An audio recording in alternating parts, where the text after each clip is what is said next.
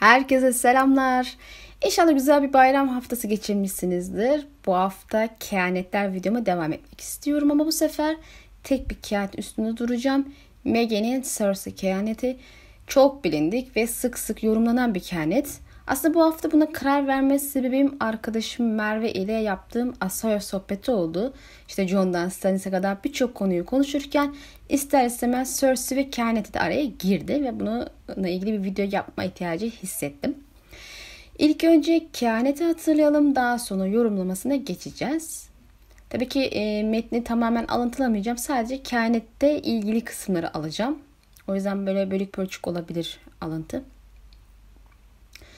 Koca karı içkisini içtikten sonra üç soru sorabilirsiniz dedi. Cevaplarımı beğenmeyeceksiniz. Sor ya da git. Prensle ne zaman evleneceğim diye sordu. Asla. Kralla evleneceksin.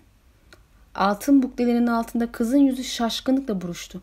Yıllarca bu sözlerin babası Everest ölene kadar Rhaegar ile evlenemeyeceği anlamına geldiğini düşünmüştü. Kraliçe olacağım ama diye sordu.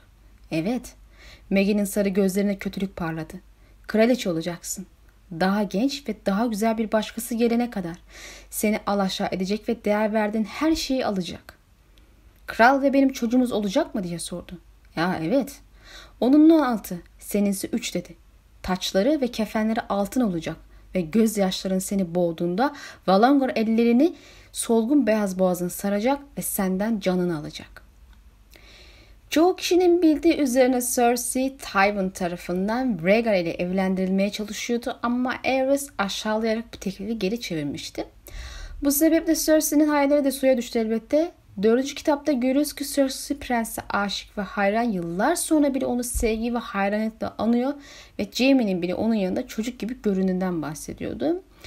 Elbette Maggie kralla evleneceksin sözünün kendisinin de söylediği gibi Prens kral olarak e, tahta geçtikten sonra bu evliliğin gerçekleşeceği şeklinde yorumlamış. Bu da bize daha önceki örneklerde olduğu gibi kehanetlerin ilk yorumlamalarının çoğunlukla yanlış olduğunu ve Martin de söylediği gibi beklenmedik şekillerde gerçekleştiğini ortaya koyan başka bir örnektir. Bilhassa bu yorumları karakterlerin kendisi yapıyorsa lütfen siz daha farklı bir alternatif yorum odakla, o yoruma odaklanmaya çalışın. Çünkü yanlış çıkma olasılığı %99.9 gibi bir şey. Cersei Rhaegar yerine tahta çıktıktan birkaç sene sonra Robert ile evlendiriliyor ve Maggie'nin söylediği gibi Robert'ın toplamda 16 çocuğu olurken Cersei'nin de 3 çocuğu oluyor ve hiçbiri de Robert'tan değil elbette. Kehanetin bizi asıl ilgilendiren kısmı ise bundan sonra başlıyor. Valongar ve diğer kraliçe. Kehanete göre Cersei'nin üç çocuğu da tahtta oturacak ve hükmedecek. Bunların üçü de bir süre hükmettikten sonra ölecek. Bu zaman zarfının bir yerinde bir kraliçe gelecek ve Cersei'nin değer verdiği her şeyi elinden alacak. Bunun için geliyor. Günün sonunda Cersei hem çocuklarını hem de değer verdiği ne varsa kaybetmiş halde yıkılacak, gözyaşlarına boğulacak. Yani her şey bitmiş olacak artık onun için. Ardından bu çöküş anında da Valongar gelecek ve Cersei boğarak öldürecek. İlk olarak Valongar adaylarımıza bakalım. İlk adayımız elbette ki Tyrion Lannister. Tyrion Cersei'nin kehanetini duyduktan sonra e, Cersei'nin kehaneti duyduktan sonra aklına gelen ilk kişi hatta tek kişi bu kelimenin küçük erkek kardeş olduğunu öğrendi de bunun ancak Tyrion olabileceğini düşündü ve tabii ki kendi kanından bir küçük kardeş e, olacağını düşündü ve hayatı boyunca hep bu sebeple hem de annesini öldürdüğü gerekçesiyle Tyrion'dan nefret etti ve ondan hep en kötüsünü bekledi. Öyle ki onu öldürmeye dahi çalıştı bir iki kere. Yani aslında Cersei'nin bakış açısından yaklaşırsak aslında e, kendisini Tyrion'u öldürerek nefsi müdafaa yapmaya çalıştığını düşünebiliriz. Yani o beni öldürmeden ben onu öldüreyim kafasında. Elbette hem ilk videoda hem de bu video başında söylediğim gibi kenetlerle ilgili ilk akla gelen yorumlamalar bilhassa karakterlerin yorumlamaları çoğunlukla yanlıştır. Bunlar hepsi genelde yemdir Martin tarafından önümüze atılan. E, bu sebeple Tyrion'u ben liste dışı e, ediyorum. Çok kolay bir şekilde ediyorum belki ama hani durum bu. Ayrıca kendi ellerini kullanarak Cersei'yi boğabileceğinden de pek emin değilim. Şeyi boğmak için bile kolye kullanmıştı. Buna ihtiyaç duymuştu. Tyrion ve Cersei arasındaki çatışma şüphesiz hikaye dinaminde bir etki. Tyrion'un intikam sözü de var ama Cersei'nin Valongar'ı değil. Tyrion yazar tarafından bizim önümüze atılmış bir kırmızı ringa balı yani yem. Hatırlarsınız daha önceki videoda da parfümü Ketuda için yem olarak sürekli Reznek'i öne çıkardığından bahsetmiştim. Aslında bu yemleme konusunda Martin bizi ilk kitapta uyarmıştı. Bize hikayeyi okuyucuya nasıl sunacağından bahsetti aslında. Dikkatli okuyucular fark etmiş olması lazım. Zero Farrell Arya'ya nasıl Bravos'un ilk kılıcı olduğunu anlatırken bir kedi örneği vermişti. Deniz Ordu gelen adayların kılıç yeteneğinden ziyade zekasına bakıyordu aslında. Şişko, besili bir kediyi egzotik bir kedi gibi tanıtarak kedinin ayrıca dişi olduğu vurgusunu yapıyordu ve gelen adaylara kedi hakkında ne düşündüklerini soruyordu. Bundan sonrasında Sirio'dan okuyalım biz. Daha önce buna benzeyen bir şey gördün mü diye sordu bana. Her gece Bravos'un arka sokaklarında onun gibi binlercesini görüyorum dedim. Deniz Lord'u kahkaha attı ve o gün onun baş kılıcı oldum. Arya yüzünü buluşturdu. Anlamıyorum. Siro dişlerini birbirine vurdu. Hayvan bildiğin sıradan bir kediden başka bir şey değildi. Gelen diğer adamlar tuhaf ve olağanüstü bir yaratıkla karşılaşacaklarını düşündükleri için baktıkları şeyi öyle görmüşlerdi. Ne kadar iri olduğundan bahsettiler ama herhangi bir kediden daha iri değildi. Lord'un sofrasında oturup beslendiği için şişmandı sadece. Ne kadar küçük ve tuhaf kulakları olduğunu söylediler ama hayvanın kulaklarının ucu bir kedi kavgası sırasında kopmuş aslında. Lord ona kızım diye seslendiği için diğerleri de öyle olduğunu düşünüyordu ama erkek bir kedi olduğu gün gibi ortadaydı. Anlıyor musun? Sen ortada olanı gördün. Aynen öyle. Sana lazım olan tek şey gözlerini açmak. Görmek, gerçekten görmek bu işin özüdür. Şimdi Deniz Lord'un ismini Martin, Martin ismiyle değiştirirseniz yazarın hikaye sunum şekli ortaya dökülüyor aslında. Deniz Lord'umuz bize erkek olan kediyi kızıma bakın diye kakalıyor ne kadar egzotik bir kedi değil mi diyerek beklentilerimizle oynuyor ve onu boşa çıkarıyor. Martin gözümüzün önüne bir şeyler sokuyor, işaret parmağı ile bir şeyler işaret ediyor ama onlar hep yem. İçi kıvrılan diğer parmakları aslında gerçek noktayı işaret ediyor. Martin bize hepsini gösteriyor ama onun işaret etmesi yüzünden bizim dikkatimiz işaret edilen yöne kayıyor. E bundan sonra seri okurken işte bu bilinçle okursak ortada olanı da görmeye başlarız kanımca. Tabi bunun içinde temellerimizden uzaklaşmamız gerekiyor. Şimdi her okuyucunun seriden beklentileri ve arzu ettiği şeyler var. E benim de var. Ama biz hikaye kendi beklenti ve arzularımıza göre yorumlarsak e o zaman da Melisande gibi davranmış oluyoruz. O nasıl ki kehaneti bir şekilde Stannis'e uydurmaya çalışarak sahte bir kahraman yaratıyor. E biz de hikaye kendi arzularımıza uydurmaya çalışarak sahte bir hikaye yaratırız. Elbette ki temennilerden uzaklaşsak bile doğru çıkarımlar yapamayabiliriz. Sonuçta tek etken isteklerimizden ibaret değil. Ama en azından gerçeğe biraz daha yaklaşmış oluruz. Zira öbür türlü sırf kendi sevdikleri karakterler başrol olsun veya öne çıksın diye e, kitabın tüm o temasını o karakter üstüne inşa etmeye çalışan insanlar gördüm ben. Ve doğal olarak ortaya saçma sapan şeyler çıkıyor. E ben de haliyle bir süre sonra işte kitabın ismini falancanın şarkısı diyerek değiştirdik, değiştiriyorsunuz diye tepki vermeye başlıyorum. Yani öyle yapmamamız lazım bence. Yorumlamaya devam edelim biz fazla uzatmayayım. Bir sonraki e, adayımız muhtemelen Tyrion'dan daha da imkansız olan biri. Sandor Clegane. Evet Valongar'ın bu kişi olabileceğini dair düşünen varmış. Astrofiki'de okuduğuma göre e, 2015'teydi sanırsam yapılan bir ankette Jamie Tyrion sonrası en popüler aday bu abimizmiş. Lakin bunun için ne tür argümanlar ver dersiniz bir şey var diyemem. Tek sağlam argüman işte Sandor'un küçük erkek kardeş olması. E ben kendisinin ağabey dağ ile kapışacağını ve onu yenerken öleceğini düşündüğüm için e bir de üstüne Cersei gibi başka bir balığı yiyeceğini hiç zannetmiyorum. Yani hikaye matematiği ve altyapı açısından da bu konuda bir şeyler göremiyorum. En azından e, Cersei ve Tyrion'un bir altyapısı var. E Sandor'da da Sandor'da bu da yok. Yani bunun gerçekleşme şekli olarak dağın bir şekilde işte hayatta olduğunu anlayan Sandor'un şampiyonlar dövüşü için kral topraklarına gitmesi ve abi ile kapışıp öldürdükten sonra Cersei'yi öldüreceği şeklinde bir e, argüman daha doğrusu bir senaryo sunuyorlar ama tabii bu ortada bir sebebi yok bence. Yani yok yani sebep sunulmuyor. Aslında oldukça saçma sapan bir aday ve temeli de yok gördüğünüz gibi. Yani sırf hoşlarına gidiyor diye böyle bir şey öne çıkarılmış galiba. Yani temeller furyasının bir parçası bu da bana göre. E, bir diğer saçma aday da zaten Tom'un White olacakmış falan. Öyle öyle öldürecekmiş annesini. Yani her küçük erkek kardeşi eklersek Loras'tan tutun Dickon'a kadar Westeros'taki hatta Essos'taki herkesi aday yapabiliriz bir konuda. Lakin elbette işler bu şekilde yürümüyor. Ee, benim bir ihtimal verdiğim olasılık olarak ekleyebileceğimizi düşündüğüm kişi hani alternatif bir yorum olsun, beklenmedik yorum olsun şeklinde e, Jon Snow benim bir adayım olarak öne sürdüğüm bir kişi. Yani şimdi Sandor'u ekleyip de Jon'u eklemek ayıp olur değil mi? Jon Snow'un bir Valongor olduğu aşikar. Yani iki kardeşin üstüne doğmuş üçüncü bir çocuk kendisi. Ayrıca Valongar kelimesinin hani Valyria dilinde olması biraz dikkat çekici. Yani kehanette her şey ortak dil seçilmişken neden bu kelime Valyria dili? Belki de bu kişinin özde Valyria kanı taşıyan biri olduğuna işaret etmek için olabilir diye düşündüm. Yani Jon'un Lannister hanesini kim beslediği ve onun deyimiyle yıkım getirmek istiyorum dediği bu haneye mensup Cersei'nin Jon'un gözünde ailesinin ölümünden sorumlu olduğunda da şüphe yok. Yani özellikle Ned'in ölümünden. E zaten herkes kadını suçluyor her şey için. Ve Jon'un hikaye sonuna kadar kuzeyden asla ayrılmayacağına inanmıyorum. Bunu düşünenler var ama bu bence çok e, doğru bir beklenti değil. Yani eninde sonunda bir sebeple güney inecektir.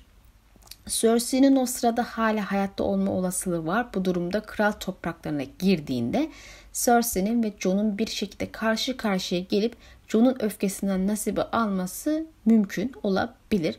Unutmamak lazım ki Cersei sırf neden oğlu diye Jon'u öldürmesi için adamlar göndermeyi planladı. Çünkü Jon'un gece nöbetçilerinin Lord kumandanı olsa bile ileride kendi aleyhine hareket, etmesi, hareket etme tehlikesini gördü bu kadın ve işinde şansı bırakmakta istemedi. Yani iki karakterin dolaylı da olsa uzaktan birbiriyle bir ilişkisi e, hasımlık muhabbeti var gibi. Tabii ki Tyrion kadar olmasa da bir altyapı azıcık da var gibi gözüküyor. Ayrıca yani Kenneth'te eller kelimesi açık şekilde kullanıyor. Jon ikili de yerinde duruyor gözüküyor. Yani bu durumda bu burada dursun. Olur hani gerçekleşirse bu kanal demişti dersiniz. Ben de işte biraz, biraz rulet oynuyorum sanki. Tüm sayılara, renklere bahis koyuyorum. Hani illa biri çıkardı o sayılardan biri. O zaman da ben demiştim diye bilgiçlik taslayacağım. E, gelelim bir diğer Valongar adayına ki en çok e, ihtimal verdim tabii ki. Birinci adayım benim. Jaime Lannister. E, zaten birçok kişi e, açısından da yüksek ihtimal e, Jaime öne çıkartılıyor. En popüler aday ve mevcut aday arasında gerçekten de buna en uygun kişi her açıdan. Argümanlar da oldukça sağlam. Yani sadece ilişki altyapısı olarak değil bazı göndermeler açısından da birkaç şeyimiz var gibi gözüküyor. İlk argüman Jaime'nin Cersei'nin arkasından doğması. Yani ikiz olarak Jaime Cersei'nin ayağına dokunarak doğmuş, topuna dokunarak. Yani netice itibariyle bir iki dakika dahi olsa Jaime Cersei'den de küçük kabul ediliyor. Hani genelde insanlar ikizlerin doğumu sırasındaki arada geçen sürenin abi, abla, kardeş nitelendirilmesi için yetersiz gördüğü için yani gözden kaçan bir ayrıntıdır ve elbette ki ikizler ya işte üçüzler falan birbirlerine sadece kardeş diye hitap eder. Çünkü onlara göre aynı yaşadırlar.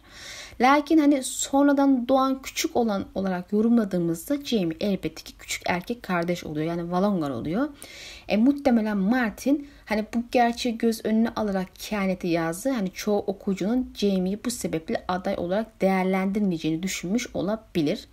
En azından Cersei'nin Jamie'yi aday yapmamasının bir diğer sebebinin bu olduğunu düşünmek tamamen yanlış olmaz.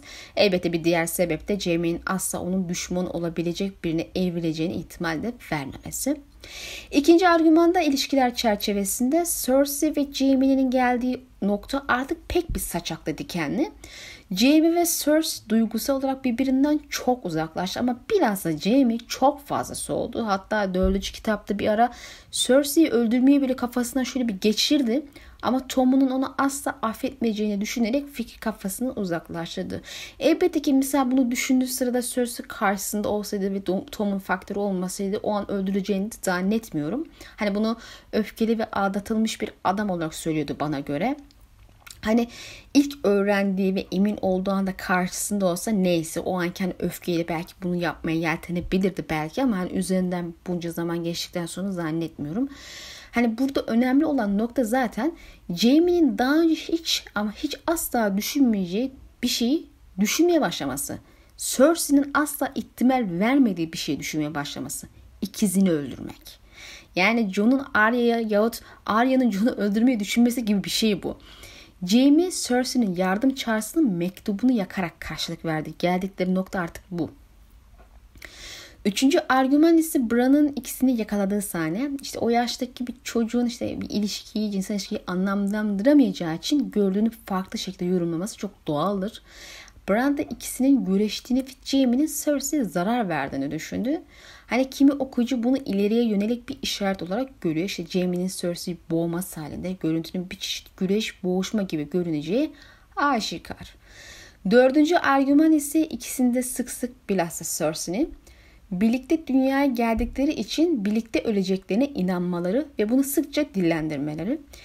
E, Jamie Valongor olsun ya da olmasın bu benim de inandığım bir şey.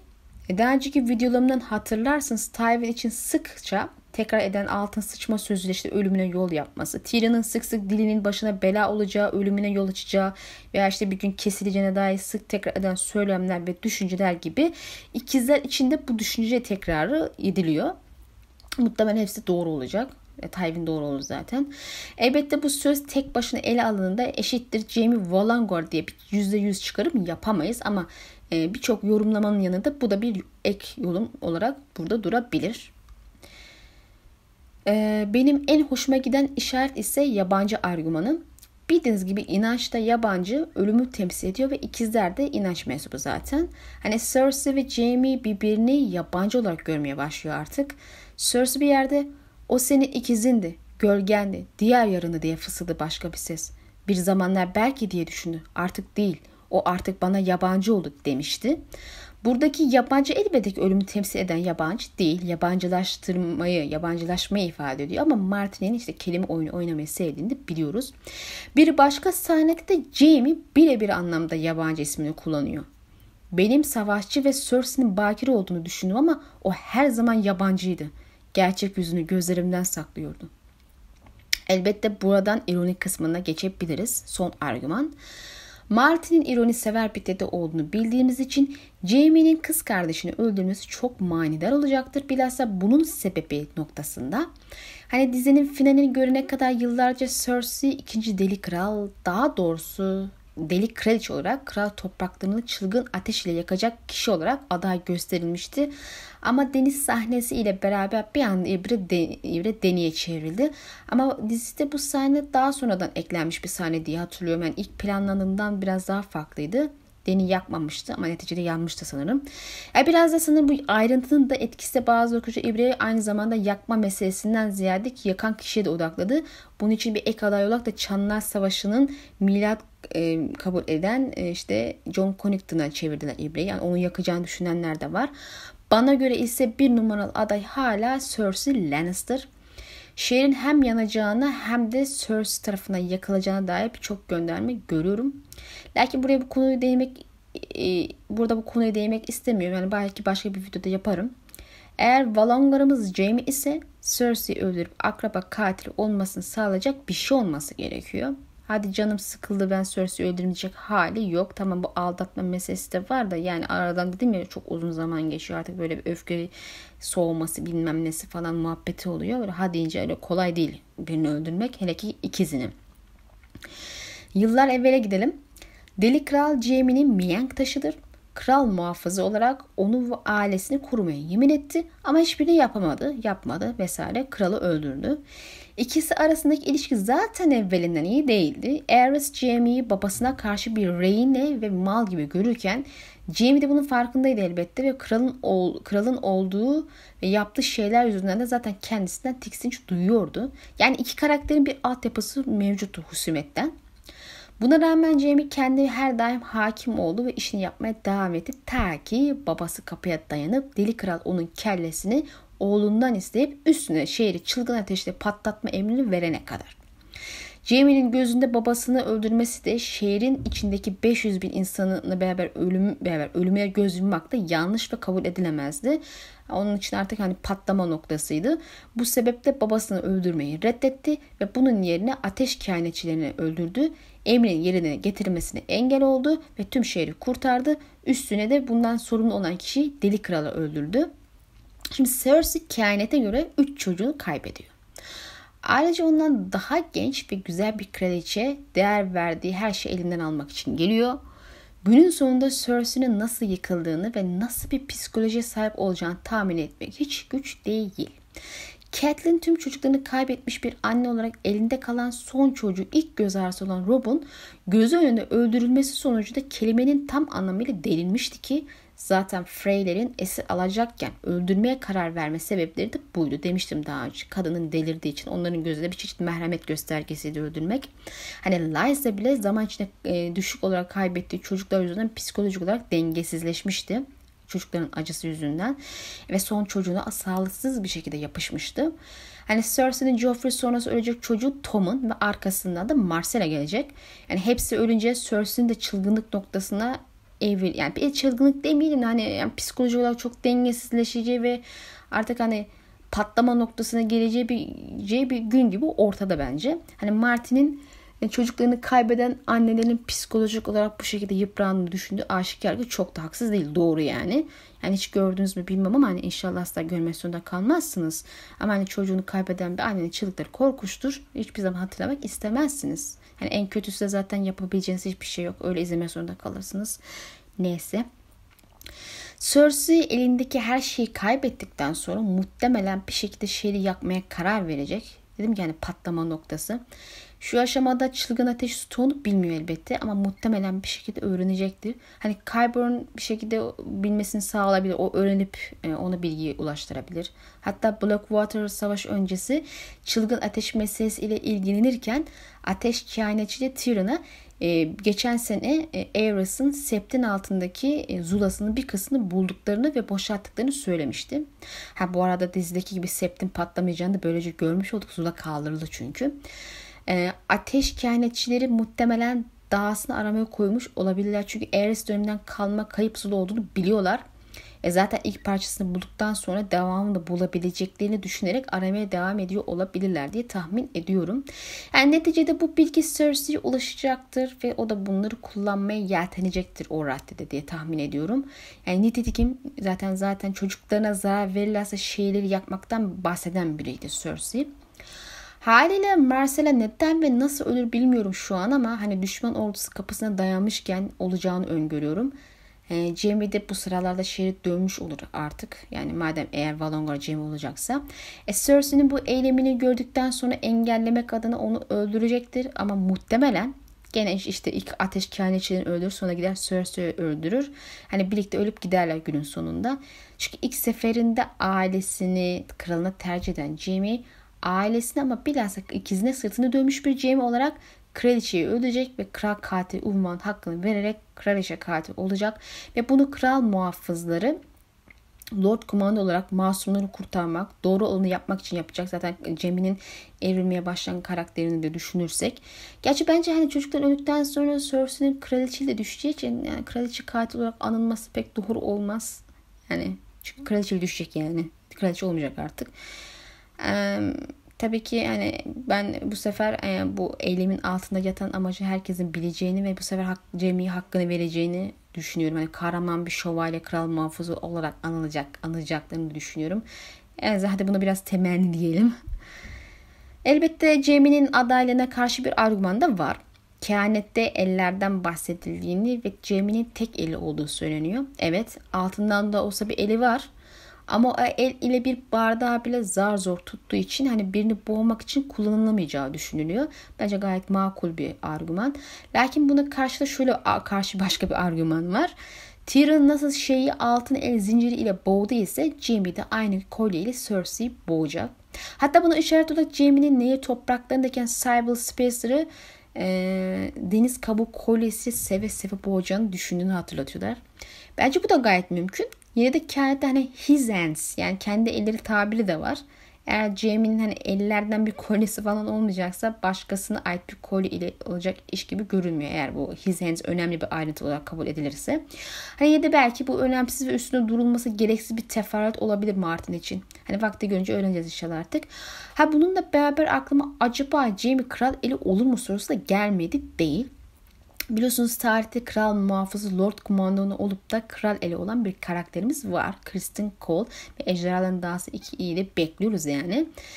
E, Jaime'nin ben krallar yarattım ve öldürdüm sözünü unutmamak gerekir.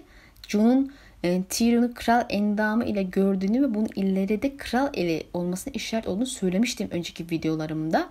Yani kral elini eli kralın gücüyle hareket eder ve kraldan sonraki en güçlü kişidir diyarda ve yeri geldiğinde hani kraldan daha güçlü olabilirler. Yani artık kralın kendisine göre. E John aynı kitapta Jamie için de bir kral böyle görünmeli işte demişti. Hani iki kardeş için de bir kral göndermesi yapıldı yani.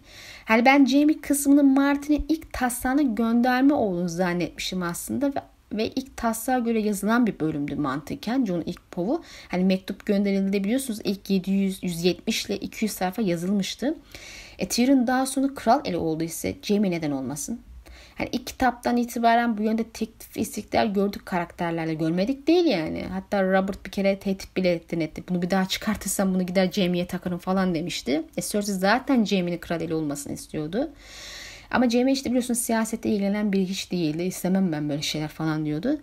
Ama Jamie dördüncü kitapta niye topraklarına geldiğinde siyasette ve çocuklarıyla ilgilenmeyen bir adamdan çocuklarını korumak isteyen ve onlar için siyasete bulaşmayı düşünen bir adama evrilir ki Cersei'yi de bir şekilde uzaklaştırıp Tom'una zarar vermesinin önüne geçmek istiyordu Jaime. Yani Tom'un ölümü sonrası Tyrell ittifakı çöpe gidecektir zaten ve Lord Tyrell'in kral eli olarak mevcudiyetini koruyamayacağı da aşikar. E, Jamie en iyi kral eli adayı olacaktır. Hani kızını korumak için kral eli olmak isteyebilir. Hani Jamie'nin ben e, kuzeye giden bir karakter gelişimi göstermesini öngörüyorum. Ama kuzeyde en son işte Bran hatta Rhaegar'ın oğlu Jon ile yüzleşmesinden sonra bir sebeple kral topraklarına dönebilir belki. Sonuçta 7-24 orada kalacak değil hiçbir şey yapmadan. Neticede ortalık çok karışık olacaktı yerde değil mi?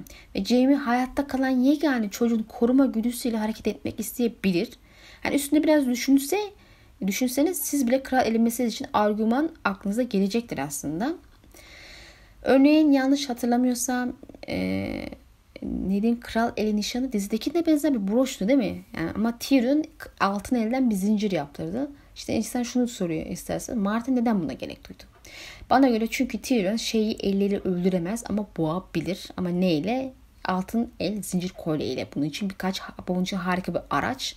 Yani aynı aracı Jaime de kullanabilir kral eli olursa. Onun elleri olacak çünkü o zaman. Hani belki bu konuda da ayrı bir video yapılabilir aslında. Hatta Jaime için inceleme videolarını da saklayabilirim. İleride bakacağız artık hangisi olacağını. Sonuca bağlarsak bana göre Jaime birinci aday Balongar için. Hani olmaz ise Jon Snow olabilir. Yani bu konuyu kapatmam gerekiyor aslında. Ama Valongar meselesinde bir maddemiz daha var. Yani bu konu üstünde yeteri kadar durduğumu düşünüyorum. Ve zaten benim adayımı da söyledim. Ama çok sık bahsedilen popüler bir konu olduğu için belirtmem gerektiğini hissediyorum. Belki bir kısmı sağlı solda okumuş ve doğal olarak ben bunu konuşurken aklınıza gelmiş olabilir. Valongar'ın aslında kadın da olabileceği ve bu kişinin Arya Stark olacağı yönünde çok popüler başka bir konu daha var. Önce neden Arya buna değinelim sonra dişi Valangor meselesi üstünde duracağım. Şimdi bildiğiniz üzere Arya ve Cersei arasında bir husumet var. Lady yüzünden Arya Cersei'ye ölüm duasını eklemişti ve serinin başındaki neredeyse kurulan ilk husumet ilişkisi bile diyebiliriz. Yani hikaye öncesi temeli atılanlar için demiyorum. Hikaye başladıktan sonra için demek istiyorum. Yani netice olarak Cersei'yi öldürme vazifesinin onunla hiçbir husumeti olmayan, ilgisiz, alakası biri tarafından üstlenmesi yerine onunla husumeti olan bir karakter tarafından üstlenilmesi daha tatmin edici bir hikaye anlatımı olacağı aşikar. Yani bir yazar hikayesini kaleme alırken buna da dikkat eder. Hangisi daha tatmin edici olur? İşte bu yüzden bu Sandor gibi karakterlerden Valango olamaz. Tatmin olmam, anlamsız gelir. Sizin de tatmin olacağını zannetmiyorum. Yani sonuçta alaladen bir karakterden bahsetmiyoruz. Cersei'den bahsediyoruz biz burada. Tywin'in ay oğlan tarafının öldürüldüğünü düşünsenize ne kadar memnun olabilirsiniz ki. Ne bileyim Joffrey'nin Tom'un tarafından yanlışlıkla okla öldürüldüğünü düşünün. Tatmin eder mi sizi? Hani lakin Sansa'nın zehir taşıcılığı yaptığı bir Tyler serçe parmak komplosu ile bu iş olması daha iyi. Ki bu haliyle bile tam tatmin olmayan okuyucularımız var biraz daha acı çekseydi falan diye. Yani bu sebeple hangi karakterin kimin tarafından öldürüleceği yahut hangi karakterler arasında bir savaş dans olacağını olması gerektiğini hesap edip öngörmeye çalışırken hani bu bahsettiğim hikaye dinamiğinde ironiyi de dikkate almanız gerekir. Elbette ben falanca karakteri seviyorum bu olsun böyle daha tatmin olumlu bir e, temenniler furyasından bahsetmiyorum burada. Misal ben John kadar ayrıca Arya hayranıyım ama ne dizide gece kralı Arya'nın öldürülmesinden tatmin oldum ne de Cersei'nin Arya tarafından öldürülmesi beni hikaye dinleme açısından tatmin eder yani etmez. Bana ironi, bana ironi gerekiyor. Martin de ironi seviyor. Evet Cersei aile ilişkisi ve Stark Lannister ilişkisi düşünürse bir noktada tatmin edici olacaktır aslında. Ka- kabul ediyorum. Ama Jaime bir karakter, Jaime gibi bir karakter kesinlikle daha tatmin edici olacak hikaye gelişim açısından, dinami açısından. Yani ben kötünün iyisini değil, iyinin iyisini arıyorum. Bence Jaime iyinin en iyisi olur bu hikayede. Valongor olarak. Neticede Arya Cersei adaylığın temellerinden biri bu karakter altyapısı ve Arya'nın yüzsüz adam eğitimi aldığı için Demir Bankası tarafından yüzsüzlerin kiralanacağı ve borçunu ödeyemediği için öldürüleceği şeklinde bir argüman ortaya atılıyor. Lakin bununla ilgili birkaç karşıt argüman çok rahat bir şekilde sunabilirim. En başta Arya bir adam değil ve asla olmayacak. Zaten böyle olmak için yıllar harcamak gerekiyor. Arya'nın Westeros'a dönüşünü anlattığım videoda ayrıntıları ve fazlasını zaten anlattım. Orada izlemeyen varsa izlemesini tavsiye ederim. E diğer yandan yüzsüzler asla tanıdıkları kişileri öldürmezler ve haliyle Arya'nın duasını sık sık fısıldaması sayesinde onların Arya'nın Cersei'yi tanıdığını bildiğini biliyoruz. E, sonuncu olarak da Demir Bankası'na borçlu olan kişinin ismi Cersei Lannister arkadaşlar. Tommen Baratheon hatta demir tahtın kendisi desek bile daha uygun. Yani hatta kim oturuyorsa borçlu kişi o. Öldürme kararı alırlarsa onu ya sonra tahta geçecek olan ablasını öldürme kararı alırlar ve şu aşamada zaten bu borçlanmaya karşılık Stannis'i destekleyerek Tom'una karşı cezalandırma girişimi oldu ki bununla ilgili videomda var hatırlarsınız. E, bir diğer argüm olarak öne sürülen şey de işte Tyrion'un bir zamanlar Cersei öldürmeleri için yüzsüz kiralayabilecek kadar zengin olduğunu hayal etmesi. Yani aile için genel olarak husumet dışında kullanabileceğiz pek de bir argüman yok. Kalanı çok zayıf şeyler. Elbette bir de işin Valongor'un cinsiyet ayağı var. Bunun için aslında ben biraz diziyi suçluyorum. Çünkü dizide Azar Ahai kenetinin yazıldığı dil olan Valile dilinin cinsiyetten bağımsız bir dil olduğu iddiasıyla işte Azar Ahai'nin kadın ya da erkeğe işaret e, olabileceği söylenmişti. İşte bunu yapma nedenine değinmeyeceğim. Video gereksiz uzar ama işte Valar Morgulus cümlesini ana dili Valili olan birine kullandırıp sonradan orada geçen men kelimesini erkekle çevirip neyse ki biz erkek değiliz diye ağzında yerleşen insanların bu yersiz eklemelerini kayla anlamak gerekiyor diye düşünüyorum. Elbette kitaplarda da bunun için bir argüman öne sürülüyor. Eamon'ın kehanetin dilinin bizi yanılttığı tarzı cümle kullanmıştı. İşte ejderhaların cinsiyetinden falan bahsetmişti. Orada Valil dilinin bir dil bilgisine yorum yapmıyordu aslında. Ejderhaların cinsiyetini değişkenine vurgu yapıyordu. Ve daha da önemlisi bu bile kesin bir bilgi değil. Yani ejderhalar erkek dişi ayrı olabilir. Bunun için de bilgiler var kitapta. Elbette bu dil meselesini dizide Valile dilini oluşturan David Peterson'a da sormuşlar ve o da genel olarak kitaplarda Eamon'un söylediği sözlerin Valile dili cinsiyet belirtmez iddiasına karşı çıkan bir açıklama yapmıştır.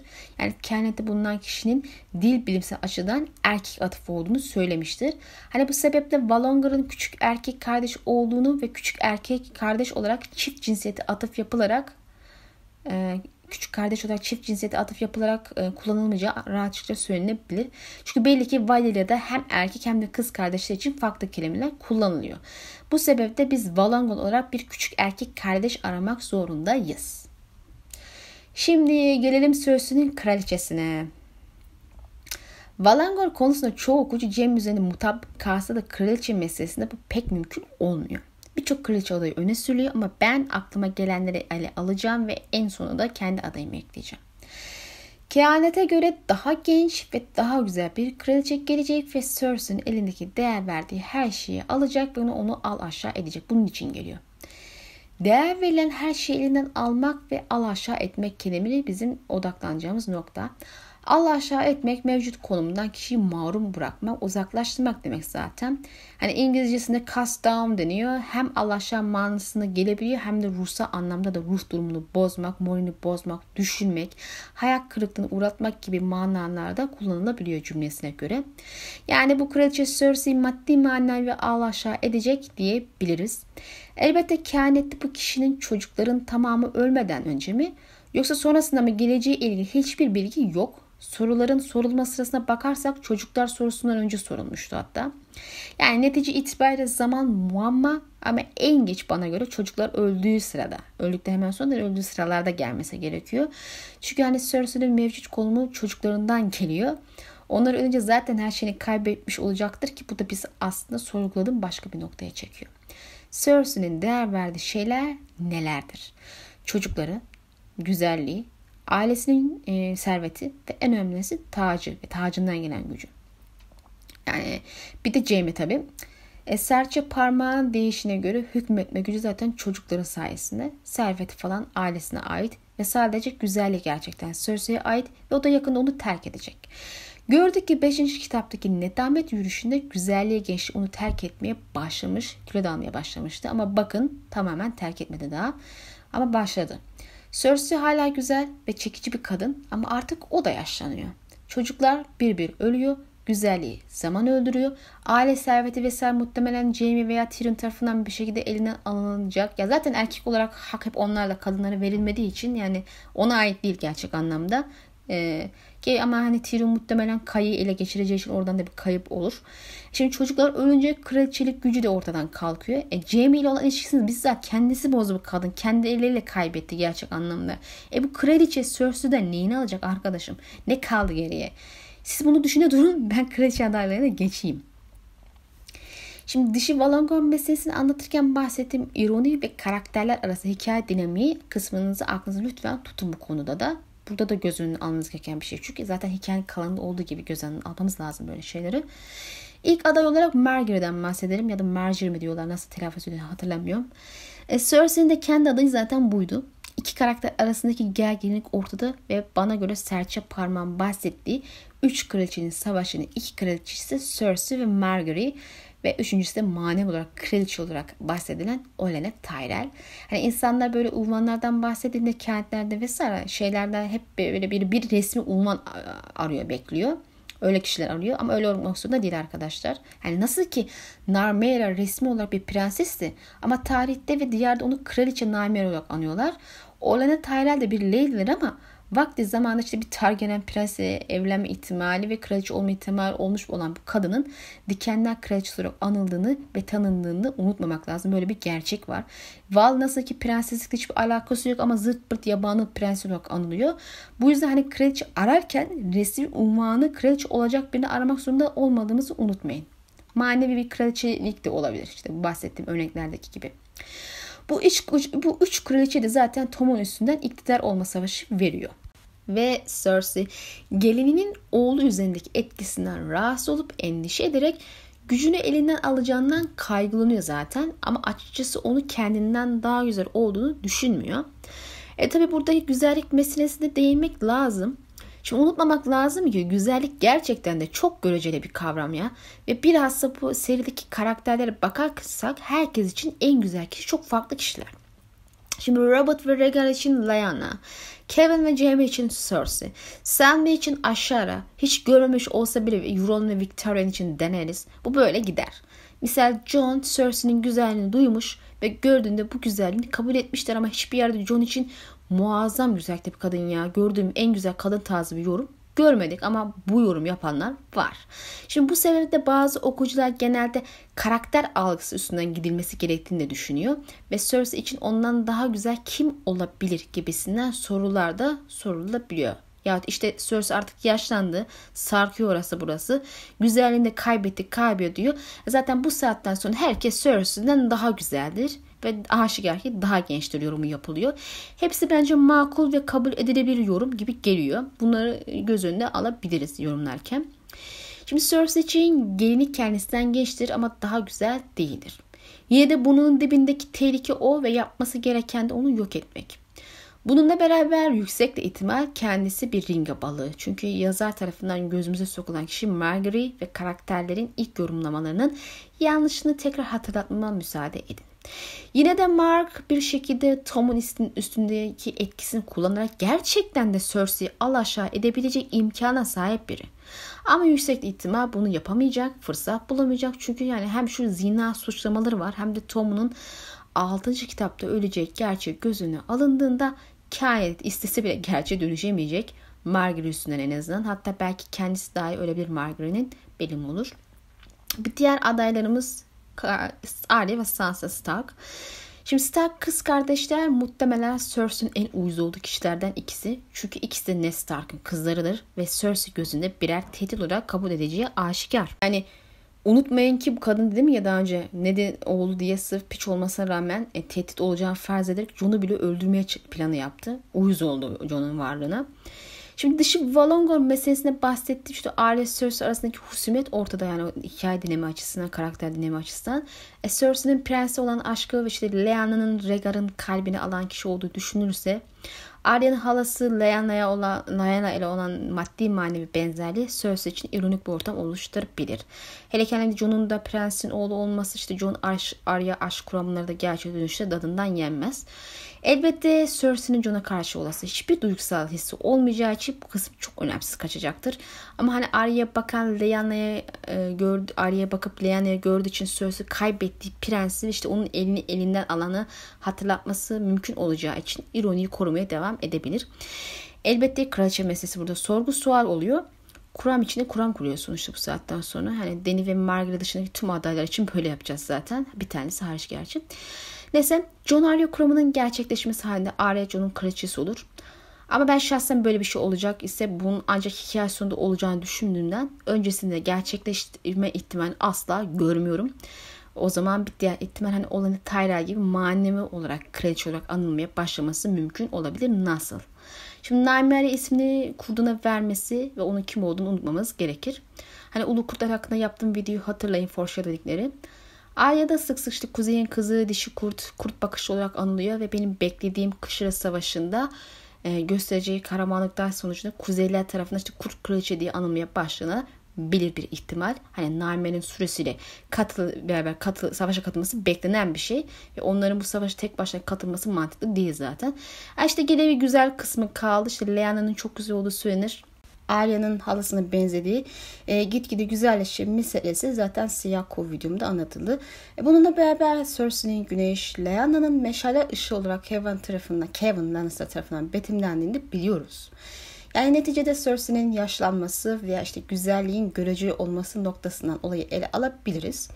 Arya Cersei'nin değer verdiği neyi alabilir sorusunu sormak lazım. Çocuklarını öldürebilir mantıken ama Arya masum kişileri öldüren biri değil. E, Jamie'yi öldürebilir ama onu doğasını hiç eklemedi. Belki yazar bu sebeple eklememiştir. Arya'yı peşine düşürürse sıkıntı olacaktı Jamie açısından. Ve Cersei zaten Jamie'yi kaybetti bile daha önce söylemiştim. E Sansa zaten genç ve onun da güzellik kısmını karşılayabilecek biri olduğunu biliyoruz. Zaten Sansa kardeşinden daha güzel biridir ve sık sık güzel olduğu vurgusu yapılır. Ama işte Cersei'den daha güzel olup olmadığı okuyucular arasında bir tartışılan konudur. Ama güzellik görecelidir deyip işin içinden çıkıyorum. Çünkü başka türlü kesin sonuca varmak güç. Her şekilde güzellik gençlik kısmını Sansa da karşılıyor ve ironik kısmını da karşılıyor. Hatta ironik kısmını belki Arya'dan daha iyi karşılıyor diyebiliriz. Çünkü e, Cersei ile en çok vakit geçiren kişi Sansa. Ve Cersei tarafından sürekli hor görüldü bu kız. Aşağılandı ve aptal kabul edildi Cersei tarafından. Sanki kendisi çok zevkli.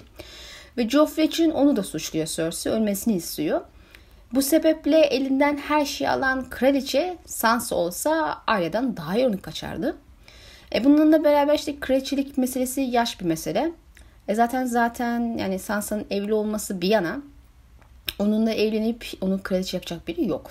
Aegon'a genelde Ariana yamanıyor, ki adaylarımızdan biri kendisi. E, Ariana olmasa bile işte Sansa evliyken evlenme şansı yok demiştim. Johnson meselesi de var. Onun ama onun olma ihtimali hiç yok yani. Argümanların yarısı uydurma ve zorlama şeylerden oluşurken e, diğer yarısı John Arya argümanından çalınmış bir şey.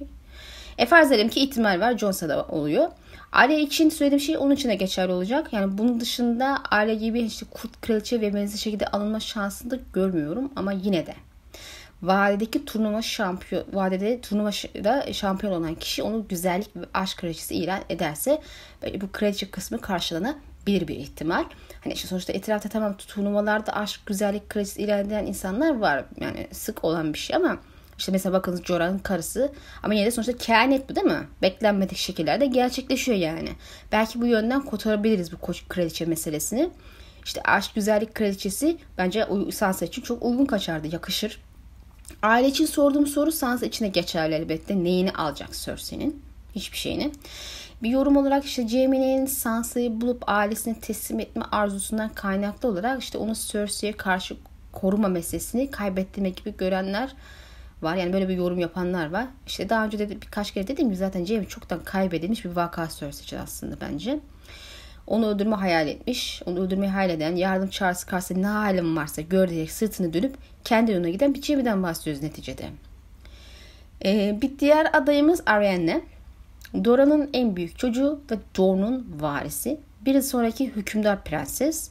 Ee, onun Aegon ile evlenerek kraliçe olacağı ve Cersei'nin kraliçesi olacağı yorumu var. Öncelikle bahsetmeyi unuttum bir şeye de değineyim. Çünkü kehanette geçen kraliçenin yancı olduğunu da düşünmüyorum. Yani aslında birilerinin karısı olarak kraliçe olacaklarına dair şüphem var yani. Ee, elbette yancı kraliçe olarak da ortaya çıkabilir bu kraliçe. Önüne tamamen tıkayan bir şey yok. Ama hani Cersei'nin değer verdiği şeyi elinden alacak gücü ve konumu olan ya da bu konu işte eyleme geçen e, kendi eliyle bunu yapacak bir kraliçeden bahsediyoruz gibi geliyor bana. Yani yancı olan bir kraliçenin bu konum ve güçte olabileceğinden çok emin değilim. İşte bir herkes Visenya ve kız kardeşi gibi olamıyor. İşte bir Alicent gibi olamıyor. Tabii ki elbette Ariana'nın hükümdar olarak yetiştirildiği bir aşikar. Bu sebeple hani bu bahsettiğim kişilerin e, kalifiyesinde olmasını beklenir ama ne yalan söyleyeyim. Hani severim e, Ariana'yı ama kusura bakmasın sevenleri yani hayranları. Ben onda o pek ışığı göremiyorum. Hani babasının kız olmaktan uzak tek gücü kadınlığı. Ne babası gibi zeka kokuyor ne atası Nightmare gibi orduları lider edecek havaya sahip ne de kum yılanları gibi eli silah tutuyor bu kızın. Yani bence hakkıyla yetiştirmiş biri değil bu Arianna. Bu sebeple tek becerisi ve gücü kadınlığı ve işte hasbel kader doğumda ilk çocuk olarak doğmuş birinin Cersei'nin elinden ne alabileceğini düşünüp sorguluyorum. Yani çocukları ölecek kadar hatta biri değil kız. Zaten bu, e, Marcel'in yüzü zarar gördü diye çok üzülmüştü sebep olduğu için. E, Cersei'nin yüzüne kezzap mı atacaktı güzelliğini elinden alacak? Hanesini başına mı geçirecekti aile serveti gücünden marum olacak? Zannetmiyorum. Yani bu sebeple Ariane'de kenditteki kraliçeye karşılayabilecek bir aday gibi gelmiyor bana. Tabii ki daha genç olması ya da Cersei'den de güzel olduğunu da çok düşünmüyorum. Tamam güzel bir kız ama onunla hatta Daenerys ile yarışa kadar güzel olduğunu dair bir anlatım yok bence. Zaten biz bu güzellik meselesini aşmıştık değil mi? Yani çok rahat bir şekilde başka şekillerde bu kısmı kolayca karşılanabiliyor. Bu güzel kraliçe muhabbeti.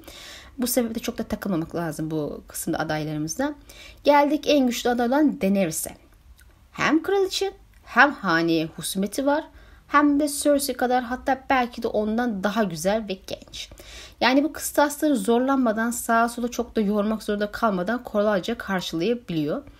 Eden'in bir noktadan sonra daha karanlık bir kişiliğe ve acımasız eylemlere imza atacak birine dönüşeceğinden artık neredeyse eminiz. Yani çoğu kişi mutabık bu konuda. Dini geldiği zaman tahta Marcel olacaktır. Ve onun yaşı zaten sanırım şu an 10 olması lazım. İşte taş çatlısın 11 yaşında olur son kitapta. Çocukları ölürse de işte Cersei zaten gücünü de kaybedecektir. Deni Astopor'da 12 yaş ve üstü herkesin öldürülmesi emri vermişti. Aileyle bir iki yaş fazla fark etmez herhalde onun için. Özellikle de tahtında oturuyorsa. Tabii ki yine de %100 emin olamam. Hani öldürme gereği duymadan kolay kovalayarak bile ele geçebilir demir tahtı neticede. Yani Marcel'i öldürme zorunda değil.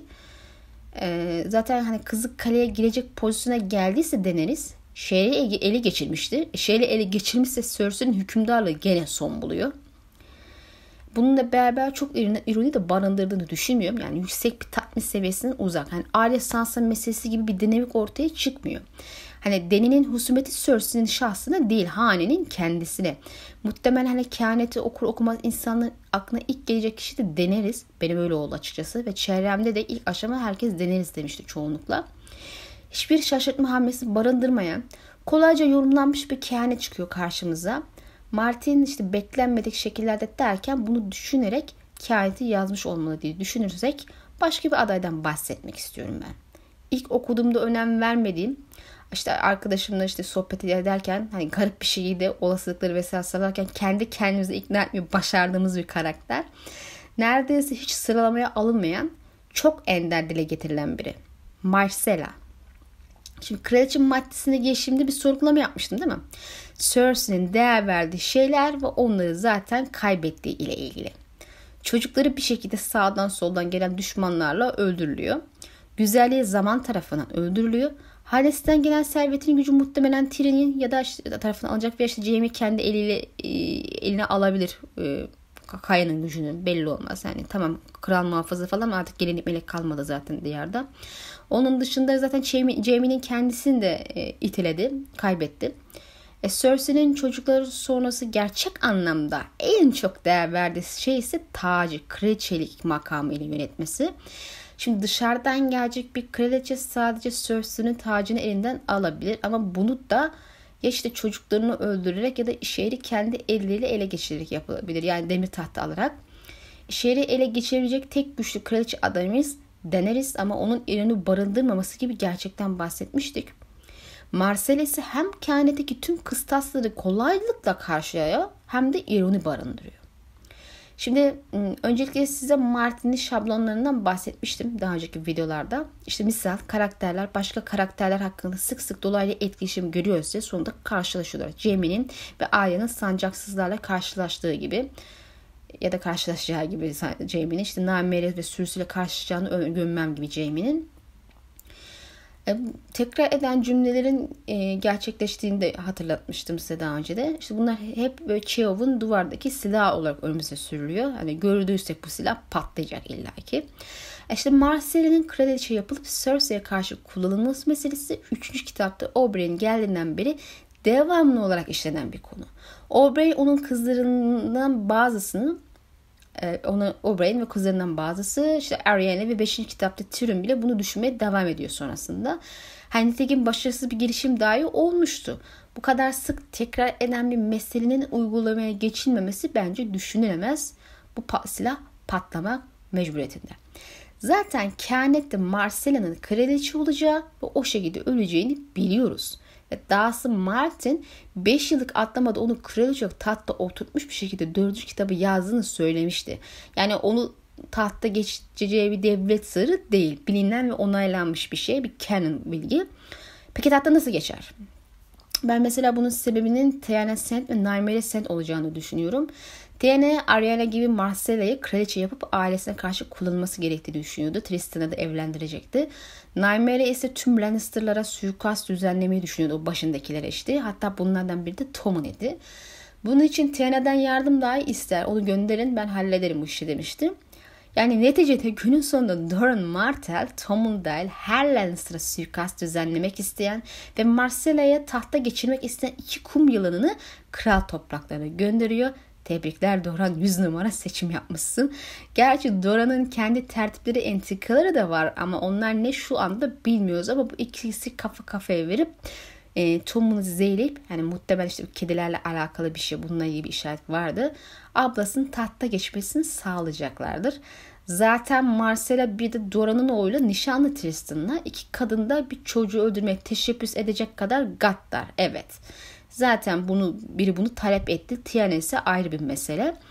E, Tiana sen şimdi Doran eline dokun Doran Tiana eline dokunduktan sonra onu zehirlemiş olmasına endişe etmişti. Üstadı geldi hemen çizik mizik var mı yok mu diye baktı. Şimdi amcası yeğenin kendisini zehirleme e, cevheri görüyorsa hep bırakalım da babasının intikamını almak için düşmanın tohumu gördü. Tomunu öldürme cevheri de olsun bu kızda değil mi? İşte bütün olay bundan sonra oluyor. Marcella ne Joffrey ne de bir Tom'un E hatırlarsanız Tom'un ben kralım istediğimi yaparım sen bana uyacaksın tarzı lafı ettiğinde annesine Cersei bu lafı çıldırıyordu ve oğlunu cezalandırıyordu. Dahası onun kafasına girenin Margaery olduğunu da zaten biliyordu. Ee, Cersei bunca şeye Robert'a, Tyrion'a vesaire bu hükmetme gücünü elde etmek için katlandığından bahsediyordu. Yani kraliçe olarak hüküm sürmek Cersei'nin hayat gayesi ve çocuklarından sonra en çok değer verdiği tek şey. Gerisi yalan dolan. Öyle ki ben bekledim Tom'un da beklesin diye hükmetmeye çalışıyordu. Şimdi kum yılanları ve Dora'nın kızın üstünde Marcella'nın nişanlısı Tris'in üstünden bir etkisiz olabilir. E zaten taş giydirme girişimi ile ilgili şimdiden yalan söyleyerek martellerin neyin hareket etti bile Marcella. Yani sonuçta yüzünü neden nasıl yaralandığını biliyoruz ama bunu söylemedi. Cersei bir plan ile olanı şehre çağırmış Tristan'ı ve yolda onu öldürtmek istemişti. Çünkü aslında nişan Westeros'a haddeyince bozulabilecek bir şey değil. Bu sebeple de Cersei ancak bu şekilde oğlandan kurtulmak istemişti. Neticede bu ikisinin evlenmesi beklenir. Hele ki kraliçe olarak tahta çıkacaksa ki iki çocuktan birbirine düşkün. Memnunlar birbirinden yani. iyi anlaşıyorlar. Martin artıcı kitapta düğün olacağından da bahsediyordu. Düğünlerden biri bu olabilir aslında. Yani Doran bir taşla iki kuş vurmuş olur. E, gelini yahut işte müstakbel gelin olarak olacak kraliçe, oğlu da yancı kral olacak. Ve Marteller hüküm sürmeye başlayacak. İbret Tyler'lerden Martell'e döner o zaman. Martellerin dönüşü gibi bir şey olur yani Elia'dan sonra malum. Marcel'in annesi kadar güzel olduğu zaten söyleniyor. Daha genç olduğu aşikar. Bu kısmı tamamen kolaylıkla e, hiçbir şey yormak zorunda kalmadan e, kotarıyoruz. Marcela'nın annesini etkisiyle hareket etmeyip iradelik göstereceği ortada çünkü kızın zeki olduğundan falan bahsediyor. Hatta onu korumakla yükümlü Aris e, Oakhart kız için şunları söylüyor. İşin aslı Prenses Marcella kardeşinden, kardeşlerinden daha cesurdu, daha zeki ve daha özgüvenliydi. Onun zekası daha tez, görgüsü daha perdahlıydı. Onu hiçbir şey yıldıramazdı. Joffrey bile. Şimdi Dora'nın Tywin'in değer verdiği şeyleri elinden almak istemesi ama Tywin öldüğüne göre Cersei'nin elinden Marcella'yı kullanarak değer verdiği şeyleri elinden alması hikaye dinami açısından da uygun kaçıyor. O da güç yani değer verdiği şey. Cersei hükmetme gücü uğruna sıklıkla Tom'unu yıldıran, baskılayan ve istediği şekilde sağa sola yönlendiren eylemlere imza atıyor Cersei. Ama Marcella bunu yapamayacaktır. Bundan sonra da Cersei yavaş yavaş kızı tarafından al aşağı edilmeye başlayacak. Cersei tekrar eskisi gibi müdahil olmaya ve kızına hükmetmeye çalışacak. Ama yeni kraliçe, vekil kraliçe itaat etmediği gibi bu davranışlarından rahatsız olup onun tırnaklarını yavaşça içeri sokmasını sağlamak ve üstünde tahakküm kurmaya çalışmasına engel olmak adına Cersei'nin kolunu sarsmak ve gücünü elinden almak için bir dizi eylemi imza atacaktır. Bir de zaten Jaime Kral Eli muhabbeti olursa gerçekten bir de ona yardım eder yani. Aslında aklıma işte 12. yüzyıldaki Kudüs'teki Latin dönemi geliyor. Orada da bir kraliçe Melisande vardı. Çocuk yaştaki kral oğluya hükmediyordu ama zamanla çocuk annesiyle çatışmaya başladı ve iş savaşa kadar gitti. Böyle ordular falan birbirine girdi. En son oğlan sonunda annesi bir yere falan sürgün etti diye hatırlıyorum. Yani Haçlı dönemi zaten Martin'in bildiği tarihi alanlardan biri. Öyle biliyorum. Bu sebeple bu hikaye bildiğini tahmin ediyorum. Haliyle belki bu anne oğuldan esinlenmiş bir hikaye görebiliriz bile.